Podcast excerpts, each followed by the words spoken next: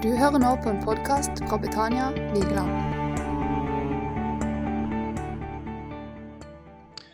Eh, Som Einar sa, så eh, fikk jeg litt, litt kort varsel til å ha tale. For de som hadde lange øyne og ører, og som var her for 14 dager siden, så det- Dere skal slippe å ha den og sa bro til tro, men det er ikke den samme talen som jeg hadde for 14 dager siden. hvis noen kjente på det, at nå kommer det copy-paste fra sist gang. Eh, Jeg prøver å ta neste steg. Og det er heller ikke at det kommer til sånn avhør om har dere bestått og gjort det riktig eh, siden sist, når vi hadde om, eh, om bønn. Eh, Så jeg kommer til å ha litt repetisjon, for jeg vet at det er noen ting som ikke alle var hørte. Eh, Og så kan en samtidig også tenke litt over ja, hvordan har det egentlig vært de siste 14 dagene angående det som hadde med bønn å gjøre. Men i dag skal vi altså ha om bro til tro, og vi er inne i en sånn en serie som heter Bønn, relasjon og ordet. Eh, kjapt det som handler om bønn som vi hadde sist. Eh, og som jeg nevnte sist jeg hadde talen òg, de henger sammen. Det er noen som kanskje kommer og hører en tale som er om ett tema, og så er det et nytt tema, og så er det et nytt tema. Men summa summarum så henger de sammen i en rød tråd. Så dere eh, En blir ikke kvitt alle underveis, for å si det sånn. Bønnen er med oss. Eh, jeg håper jeg blir ikke kvitt meg heller, men det får vi heller ja, ta en runde på etterpå. Bønn, som vi snakket om sist gang, eh, så var det i 1. Timoteus 2 Framfor alle ting så formaner jeg dere derfor til at det blir gjort bønner, påkallelser og forbønner og takk for alle mennesker, for konger og for alle som er i høy stilling.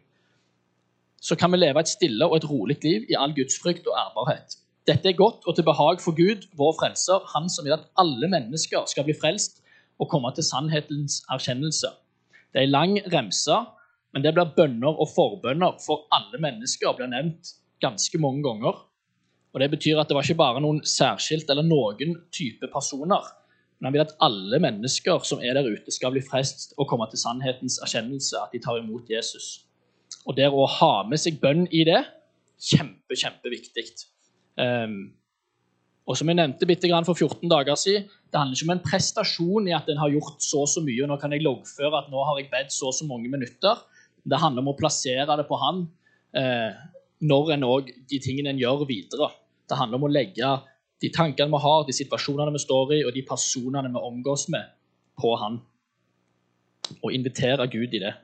Og en vet at Noen har hatt husgrupper denne ukene som har vært imellom. Det er ikke til avhør heller om hvem som har hatt hva, men Kjell Rune lagde et lite sånn spørsmål og litt sånn i, i forbindelse med det, der en kunne dykke litt inn i ja, hvordan kan det se ut, på hvilken måte er det bønner fungerer, og hva gjør en faktisk i sin hverdag, i sitt liv.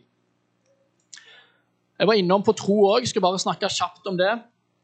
Tro, hva er det, og hvordan fungerer det, og hva er det for noe? Og jeg vet også det, I de spørsmålene som Kjell Rune lagde, så var det òg litt i forhold til trushistorien.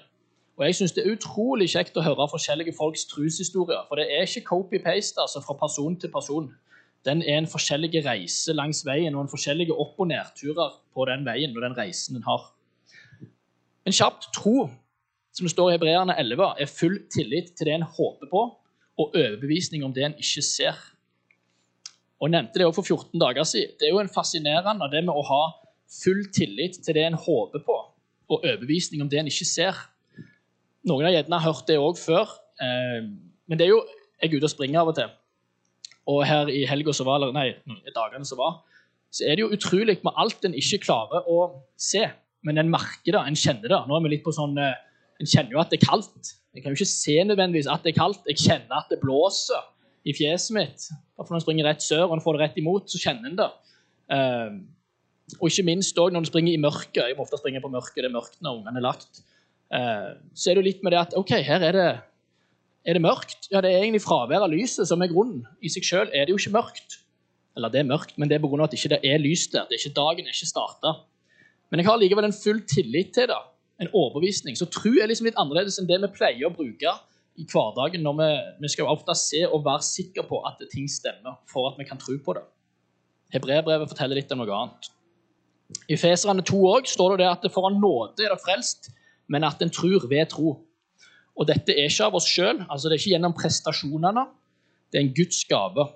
Igjen, så Det kommer ikke av gjerninger, ikke av at du har gjort så så mye gjerninger. Og det handler om at en ikke skal kunne rose seg. Nåde, helt gratis, ufortjent, er vi tro. Det handler bare om å bekjenne at en tror på Jesus.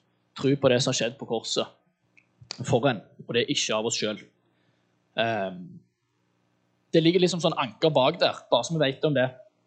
Dette så òg noen for 14 dager siden. Og igjen, eh, for de som husker han Jeg vet ikke om dere har blitt bevisst på og tenkt kanskje litt lenger i de folka en omgås med. Ja, jeg skal ikke si at det er sånn at en skal si hvor de er hen på den der lista, men kanskje han har blitt litt bevisst på det. Er dette personer som ikke har noen kjennskap overhodet? Er det bare sånn minus tira? Nå skal ikke jeg kategorisere folk. altså Jeg går ikke rundt som sagt og fører protokoll på hvem er hvor og hva. Men eh, er det noen som ikke har kjennskap over hodet av de som du kjenner og bruker tid i lag med? Eller er det noen som er tett på null til å faktisk ta imot Jesus? Eller er det bare de er med? Er det bare sånn når jeg kaller det for syvere, åttere, niere? Jeg vet ikke hvor dere som sagt forteller at dere er hen. Eh, og så hadde vi en bibelgruppe her forleden var det noen som sa det at det, blir en egentlig noen gang en tier? For når en har kommet til en tier, tror en kanskje da, så er det jo gjerne en annen en en kjenner, som en ble lagt merke til at oi, oi, oi, ja, jeg er ikke på en tier likevel. Jeg er kanskje på en ja, toppen femmer, liksom. Sekser. Eh, så det er jo litt sånn en vandring som en aldri blir ferdig med heller. Det med å kunne eh, nå lengre, kunne bli mer moden i troen. Så tror jeg aldri noen av oss kan bli perfekt. Det stender det litt om. Men aldri noen gang bli perfekt og uten synd. Men det er det vi snakker litt om, og kommer til å nevne det igjen i forhold til det som har med relasjon. Siste av det som vi hadde sist gang, dette er bare for å når jeg dykker inn i det som har med relasjon å gjøre, så er det dette som er fundamentet og ankeret bak. Det er derfor jeg gjentar det. Um, og ikke minst når Svein Kåre nevnte med de ungdommene som er der nede på impuls nå, så kjenner jeg også at jeg kan bli rørt av flere ting.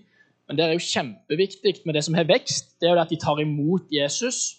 Den enkelte som blir nyfrelst, tar imot Jesus, gjør en bestemmelse. Og Det som kommer som nummer to, som står om modning, det handler om at de blir helliggjort, eller modning i, blir bedre kjent med Jesus. Og det vil jeg bare si. Den er til meg sjøl òg. Det tror jeg som menighet. Hvis jeg sier det er noen som tar imot Jesus, så er det kanskje nå det begynner.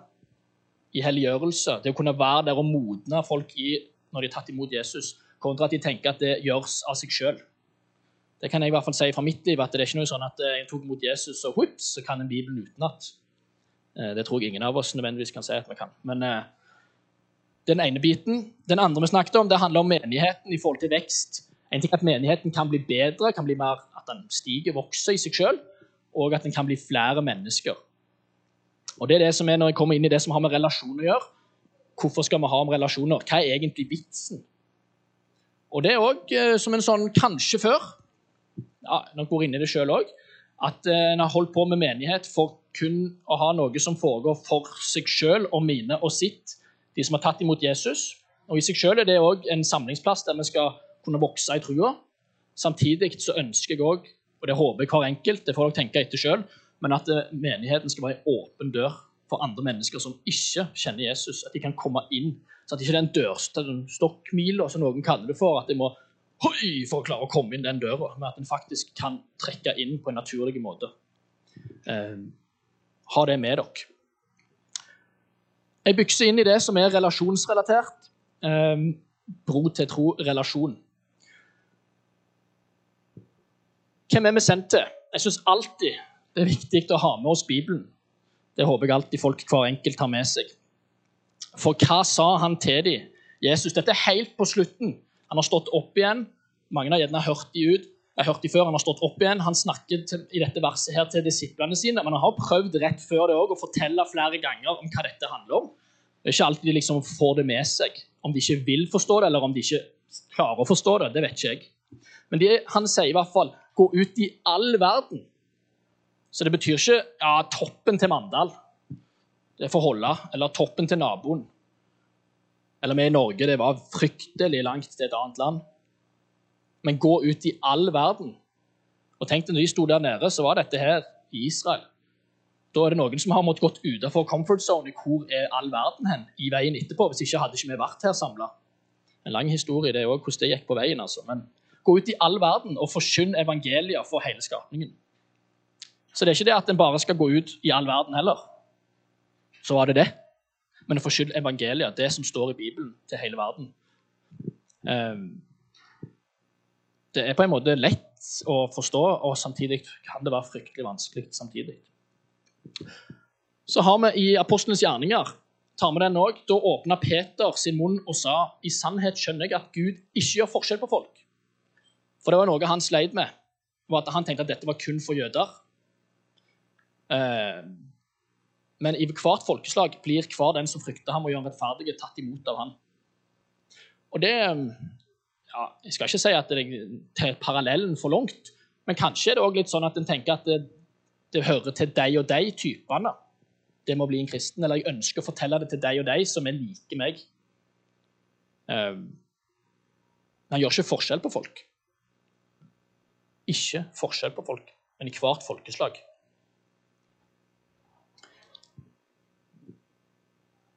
Vi skal ta også ha om eh, kan, De som har godboka med seg, kan få lov å slå opp. Vi skal bare bli litt. Grann. Lukas 15.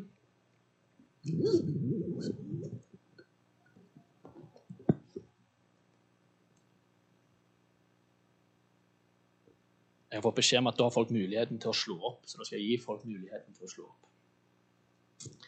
Um, så det står i overskrift, og dette er Lukas 15, den ene, men ikke bare én. Og denne har jeg hørt og lest mange ganger. Jeg syns det er fascinerende hvor mange ganger en leser de samme ordene, og du får en liten sånn wake-up call. Kjell Åre sa her forleden dag når vi satt og snakket, at det er rart når du leser noe som du tenkte at en kunne, så er det noe nytt som kommer likevel. Det sier lite grann. Um, men i den første, Vi skal ikke lese hvert enkelt ord, men den første historien jeg bare sier Bakgrunnsgreia til at Jesus snakker om disse lignelsene, det skal jeg lese i starten. Det er altså Lukas 15, 1-3, eller 1, ja, 1-2. Jesus han trakk til seg folk som hadde mislyktes i livet, og som ble sett ned på av andre. Så bare begynn med det. Det var de han oppsøkte. De holdt seg nær Jesus for å høre det han hadde å si. Fariserene og de som underviste i de religiøse lovene, de klagde på ham. Og de sa, 'Tenk at denne mannen tar imot syndere og til og med spiser sammen med dem.' Og så begynner Jesus med de historiene. Så jeg tolker det til at det her er det vekka noe i Jesus på at det, eh, nå kommer det ei liste på noen stories for å fortelle disse fariserene noe om OK, hva kommer nå?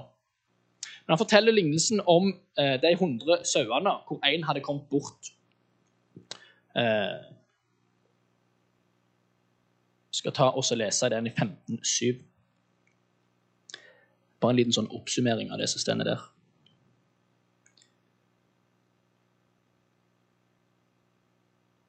Ja, jeg tar med den. Skal vi se. Gled, gled dere med meg, for jeg har funnet sauen min som var borte. På samme måte er det større glede i himmelen over én synder som velger å gi livet sitt til Gud, enn over 99 andre som allerede følger Gud og ikke har gått seg bort. Så igjen, Her legger Jesus fokus på det, om at 99 som har gått bort altså om Det var 100 sauer, men én har kommet bort, så ønsker jeg å prioritere å lete etter dem.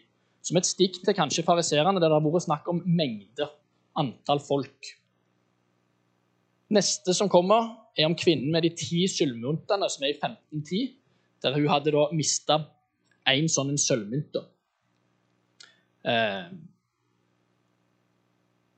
og Der skal det også stå det, dere skal vite at så stor er også gleden hos Guds engler hver gang én synder bestemmer seg for å legge livet sitt i Guds hender og leve etter Guds vilje.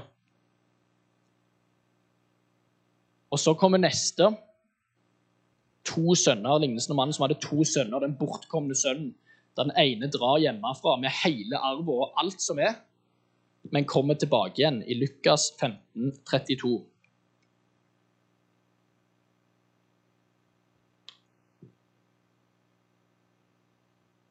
Og da sa faren til han, altså den andre, den andre sønnen, kjære sønn, du er jo alltid hos meg.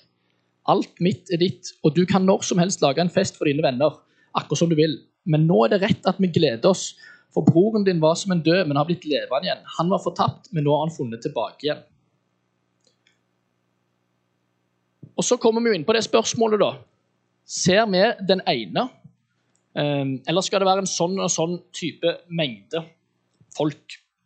Eh, og hvem er det Jesus ser og bruker med i Bibelen? Det fascinerer meg jo mer og mer det også, til mer en ser på det og følger litt sånne paralleller. Eh, hvem er det han faktisk bruker tid med? Eh, de, når han kommer ned der, så er det jo mange som er overraska at han bruker tid og prioriterer de folka han gjør. Det var folk som han ikke kunne bruke tid med, som ikke var innafor. Det var jo syndere. De hørte ikke til jøder, de hørte ikke til Og fariseerne likte de ikke over i det hele tatt. Men det er de han bruker tid i lag med. Det er de han oppsøker. En ting er at han bruker tid, og Noen tenker kanskje at det er de følger etter han. Ja, Noen gjorde jo det. Men noen ganger så er han òg å oppsøke dem og treffe dem og ta med seg disiplene på vandringen med disse folka. Og da kommer jo parallellen spørsmålet inn til meg. Gjør jeg det? Hvem er det jeg bruker tida med? Hvem er det jeg oppsøker? Er det som jeg noen ganger kaller eh, altså like barn leker best, er det noen som sier.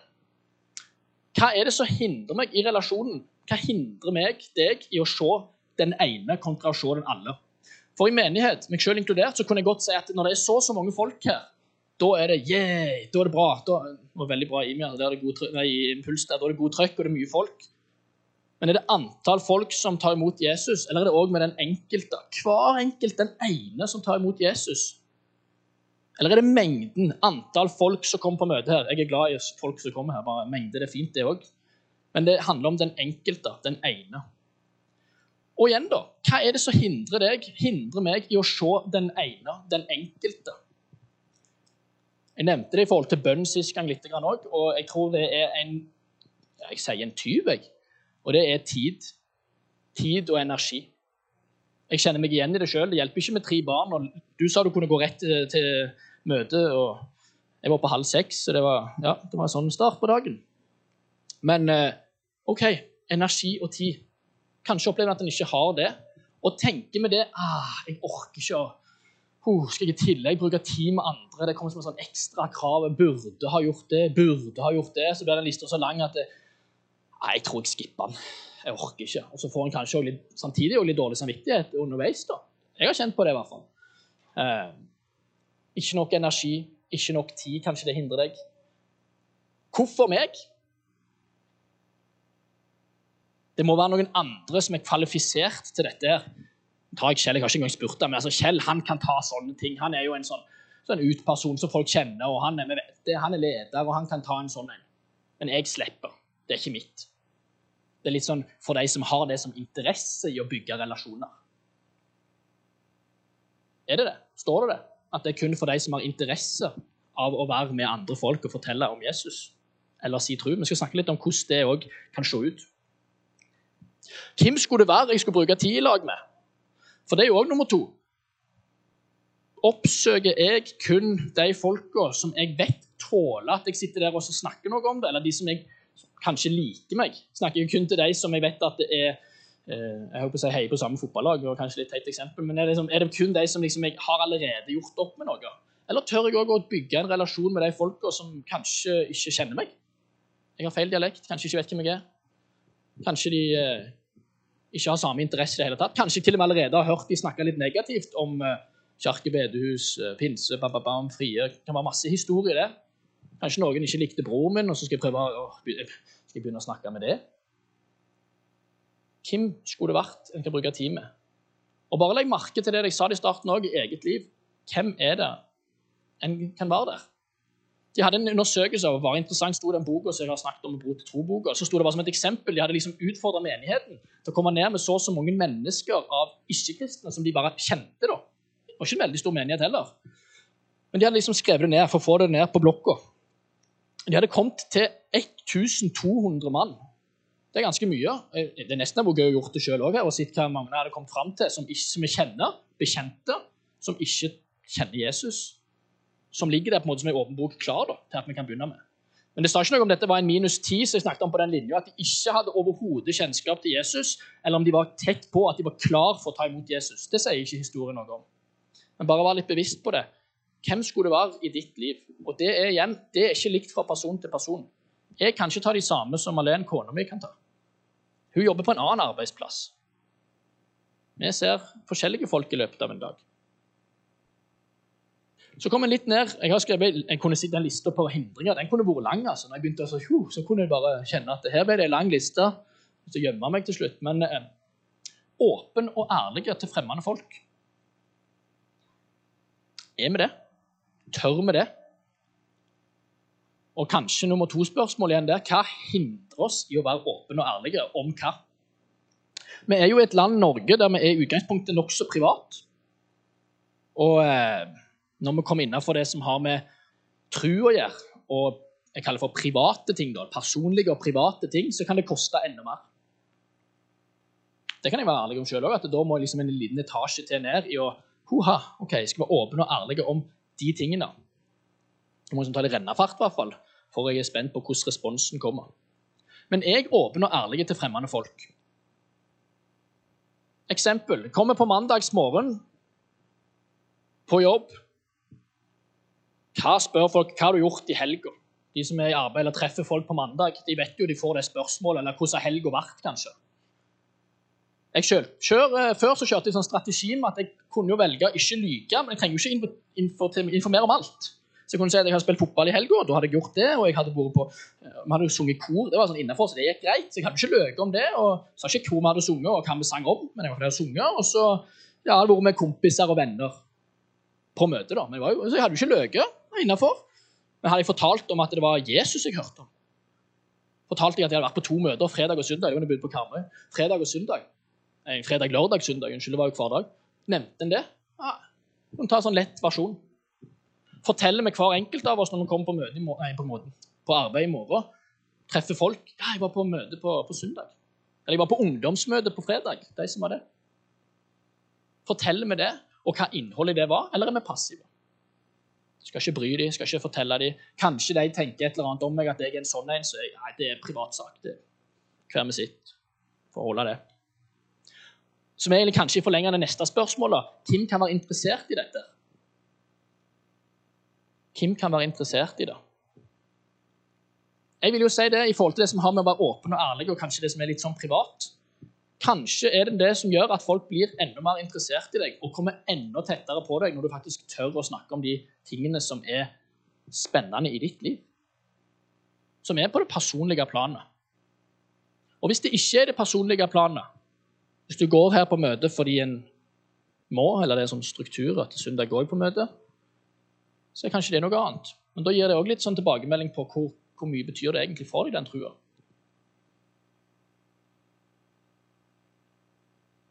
Kanskje noen forteller at de vil ikke være til bry. Det er ikke som det bryr noen. Jeg er kanskje litt hard med sørlendinger, så jeg skal vokte ordene mine. Men eh, hver med sitt har jeg òg hørt, og det med ikke være til bry. Eh, altså, En skal ikke bry andre. Og er det da å bry noen og fortelle om hvordan en har det? Jeg hadde krevende dag, men jeg hadde en fantastisk søndag. Det var godt eh, å bare høre noe om Jesus og få ha en pause der jeg sang om han. Hvis det var det. Eller er det sånn nei, jeg skal ikke bry folk, så de kan tenke mange ting om meg hvis jeg sier de tingene? Dette kan være forskjellig fra folk til folk. Men igjen, når en treffer folk på en fotballtrening, meg selv inkludert, jeg spiller ikke nå, men jeg gjorde det, snakker jeg også om eh, Newcastle United. Endelig kan jeg få si det med glede. Eller er det det at de snakker om eh, Jesus, snakker om Betania, snakker om hva jeg har gjort i helga? Hva er samtaleemnet i lunsjen? Er det fysionerden som går og snakker bare om eh, anatomi og trening og andre skader som har kommet? Er det det det alt handler om? Eller snakker jeg òg om noe som er viktig i livet mitt, som betyr noe? Hva gjør du? Hva hindrer deg i å se den ene personen?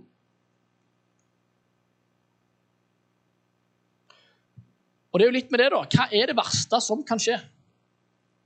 Og det tenker jeg også er litt viktig. Jeg vil bare si som en liten bisetning på det, for jeg tror det er ganske mange som kanskje også har tenkt at eh, når jeg skal være med noen andre og bygge, bygge relasjon, har vi det med relasjon å gjøre, så, så noen som kommer med sånn at jeg skal belære den andre. Jeg skal komme med sånn jeg skal nesten stå Nå lader jeg opp, og så bare med dette her, kommer jeg med de ordene og sånn, og så håper jeg at det hjelper meg. Er det å bygge en relasjon, eller er det en oventil-ned innfallsvinkel? Kontra at jeg kommer med det at vet du hva, jeg, jeg, kommer fordi jeg er interessert i deg. Jeg ønsker å bygge relasjon. Jeg ønsker å finne ut av hvem er du og jeg ønsker å gi noe av meg sjøl.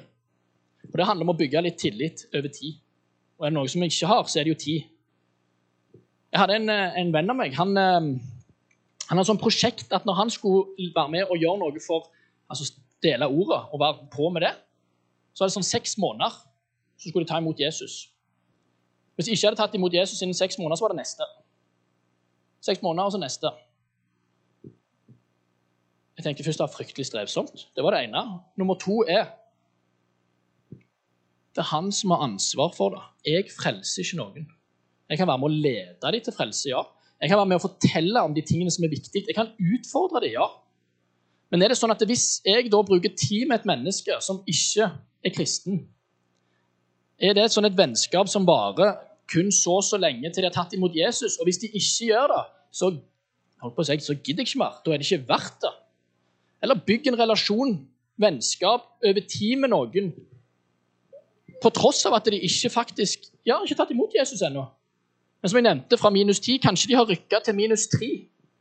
Ja, de er kanskje på vei. Stakkars Kjell, nå kommer han inn igjen. Du var på omsorgssenteret. Det er mange som når det nærmer seg slutten òg, kommer og spør kan du be for meg. Og hvis de kjenner til personen, da, og det har gått 60 år, så visste jeg likevel at her var det noe. Den personen den vet ikke med. Kan jeg, be, kan jeg be for deg? Jeg ønsker at du ber for meg. Inviterer de til å kunne ta imot Jesus sjøl da. At ikke løpet var gått etter seks måneder. Hvis ikke så får det bare være. Jeg snakket med broren min her forleden. Spurte om det var greit at jeg delte det. Han eh, har en kompis, eh, hatt sin videregående.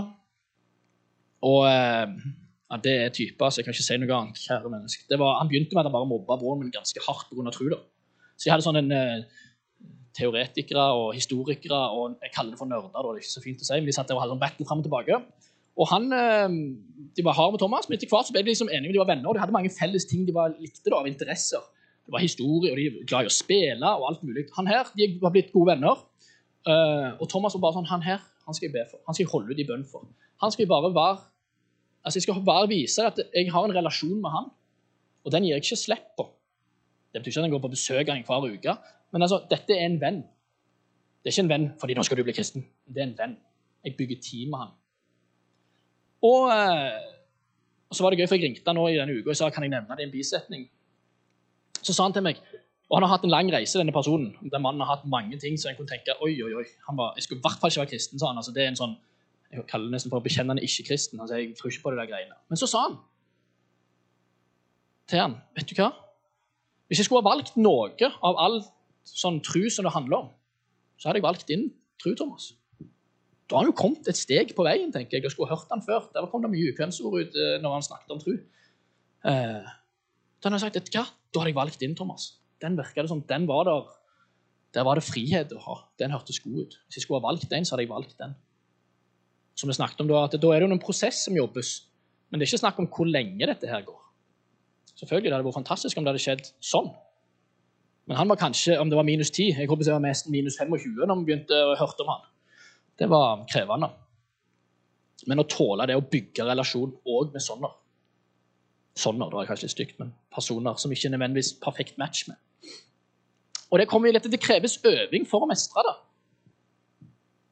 Noen ganger er Et fint eksempel jeg kjente meg så utrolig godt igjen. Det er noen som tar opp et tema som at her kunne jeg bare ha bumpa opp med at Oi, kan jeg be for deg?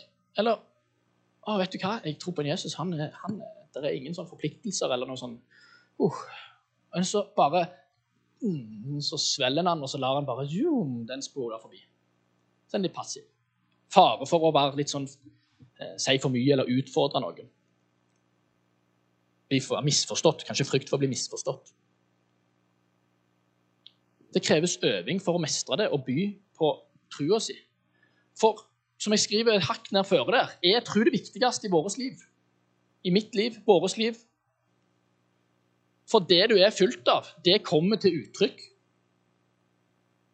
så hardt og så Jeg sier ikke at trua vår er ikke at du er ikke er frelst og ikke tar imot hvis du ikke gjør noe, så faller du fra. Det er ikke det det handler om. Men er det det viktigste i livet vårt? For hvis jeg prioriterer andre ting hver dag, eller slash bortprioriterer bønn, bygge relasjon, ordet skal ha om neste gang det kan være mangt mer òg. Familie. Hvis jeg bortprioriterer de tingene, er tro det viktigste i vårt liv, i mitt liv, da. Åndens frukt, i Galaterne 5, står det om det at det er jo de fruktene som kommer der. Er jeg da fullt av Den hellige ånd? Jeg vil jo si det, det gjelder meg selv òg. Mange kan ha det i den her.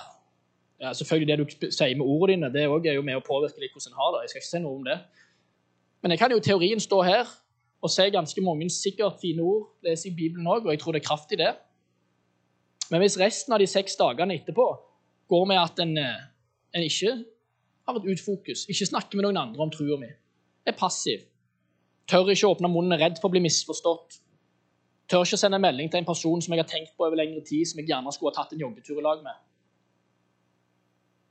Jeg tror det viktigste i livet mitt mye viktigere bare å få lest noen siste treningsoppdateringer, sjekke hvordan blir det med ja, hytter på fjell og bil og båt. og Kunne tatt en hel remse for hver enkelt. Det kjenner dere sikkert igjen i. Men er det hvis en tar vekk det, er det det viktigste i livet vårt? Og hvordan kommer det til uttrykk? For det du er fylt av, det kommer til uttrykk. Ikke bare i ord, men òg ord og handling.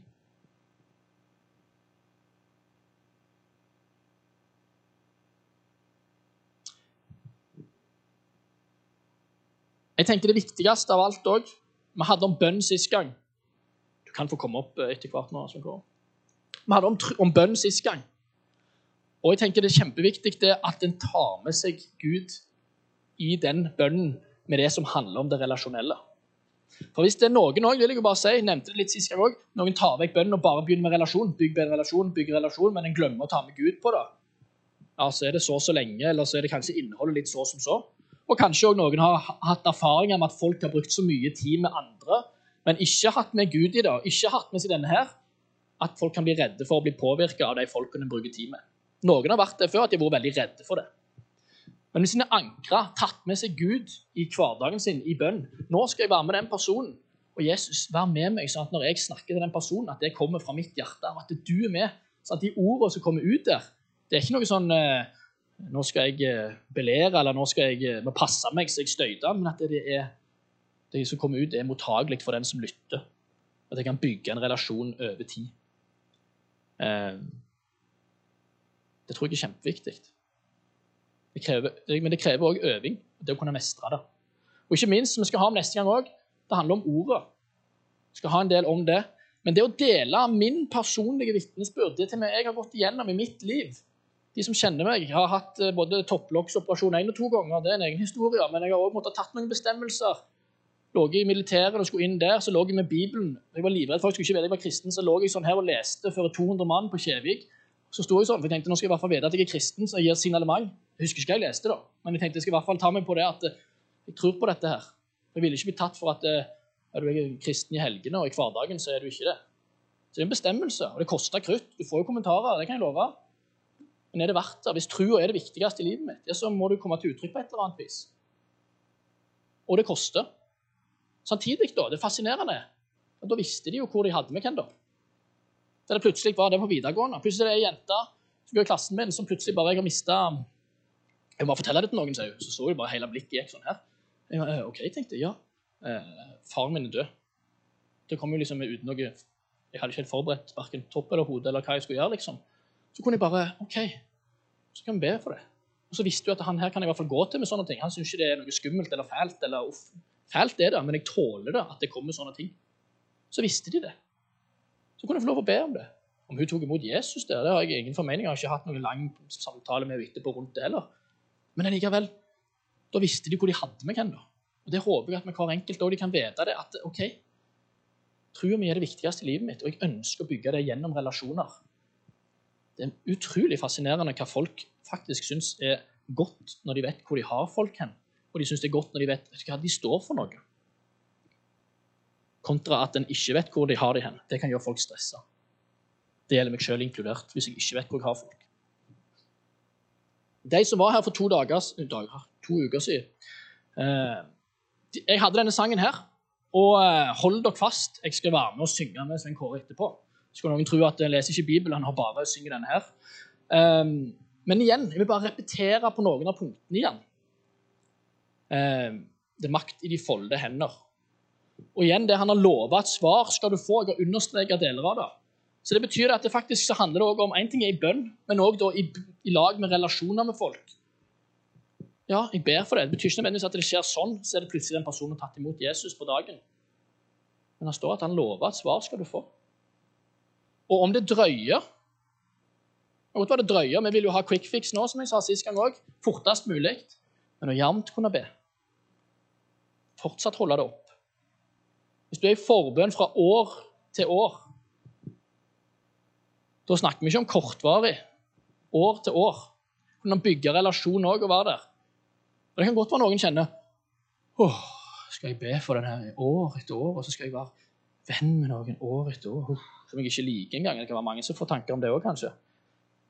Men hvis du legger det på han, så dukker det òg opp folk som han er med å påvirke deg til. Den personen der den trenger kanskje at du sier hei. Den trenger kanskje å invitere deg til å spise et måltid. En kaffekopp. Etter at du går til å invitere folk til å kunne komme hjem. Kjempeviktig. Åpne opp den der luka på å kunne gjøre det. Og om du tålmods lekse, altså tålmodighetens lekse, så kanskje er det lekse for meg sjøl òg. Jeg sier dere det, og sitter og forbereder sånne taler som dette her, så går jeg sånn her. Mm, mm, tilbake igjen på meg sjøl. Har jeg tålmodighet til å klare å holde på det? Eller er det tungt og slitsomt? Det er svar underveis. Det er jo viktig å sette ned de svarene en får underveis. Det tenker jeg noen ganger vi går til å se neste, se neste, se neste. Men har vi fått bønnesvar? Ja, jeg har fått bønnesvar. Kjempeviktig. Stopp opp med dem. Og om det drøyer igjen Det skal nå. For han er løftenes trofaste Gud. Så En har full bevisning om Gud, en har full tro på han. Tror en òg på at han er en løftenes trofaste Gud. Som det står igjen i det siste avsnittet, når i Frelserens navn du får be. Så når du ber til Jesus, begynn bønnen med det. Kjære Jesus, jeg trenger deg. Og han vet hva det er du trenger. Han kjenner det på forhånd, men du inviterer han med i det. Kjære Jesus, nå skal jeg møte dette, denne personen inn til en samtale du skal ha, eller inn til en eller annen på jobb, eller hva det skal være for noe, eller naboen som du vet sleit med noe. Kjære Jesus, du får lov å be legge det igjen til han. Det svar underveis. Engler kommer med bud, og igjen om det drøyer. Bare tenk deg den sangen. Det er jo en grunn for at den er det verset, altså. Men, eller refrenget, unnskyld. Men det kommer igjen. Det drøyer. Ja, det drøyer. Vi vil ha det fort, men det drøyer. Tål at det drøyer. Vi kan ta oss og være med alle sammen. Eh, vi tar også og så synger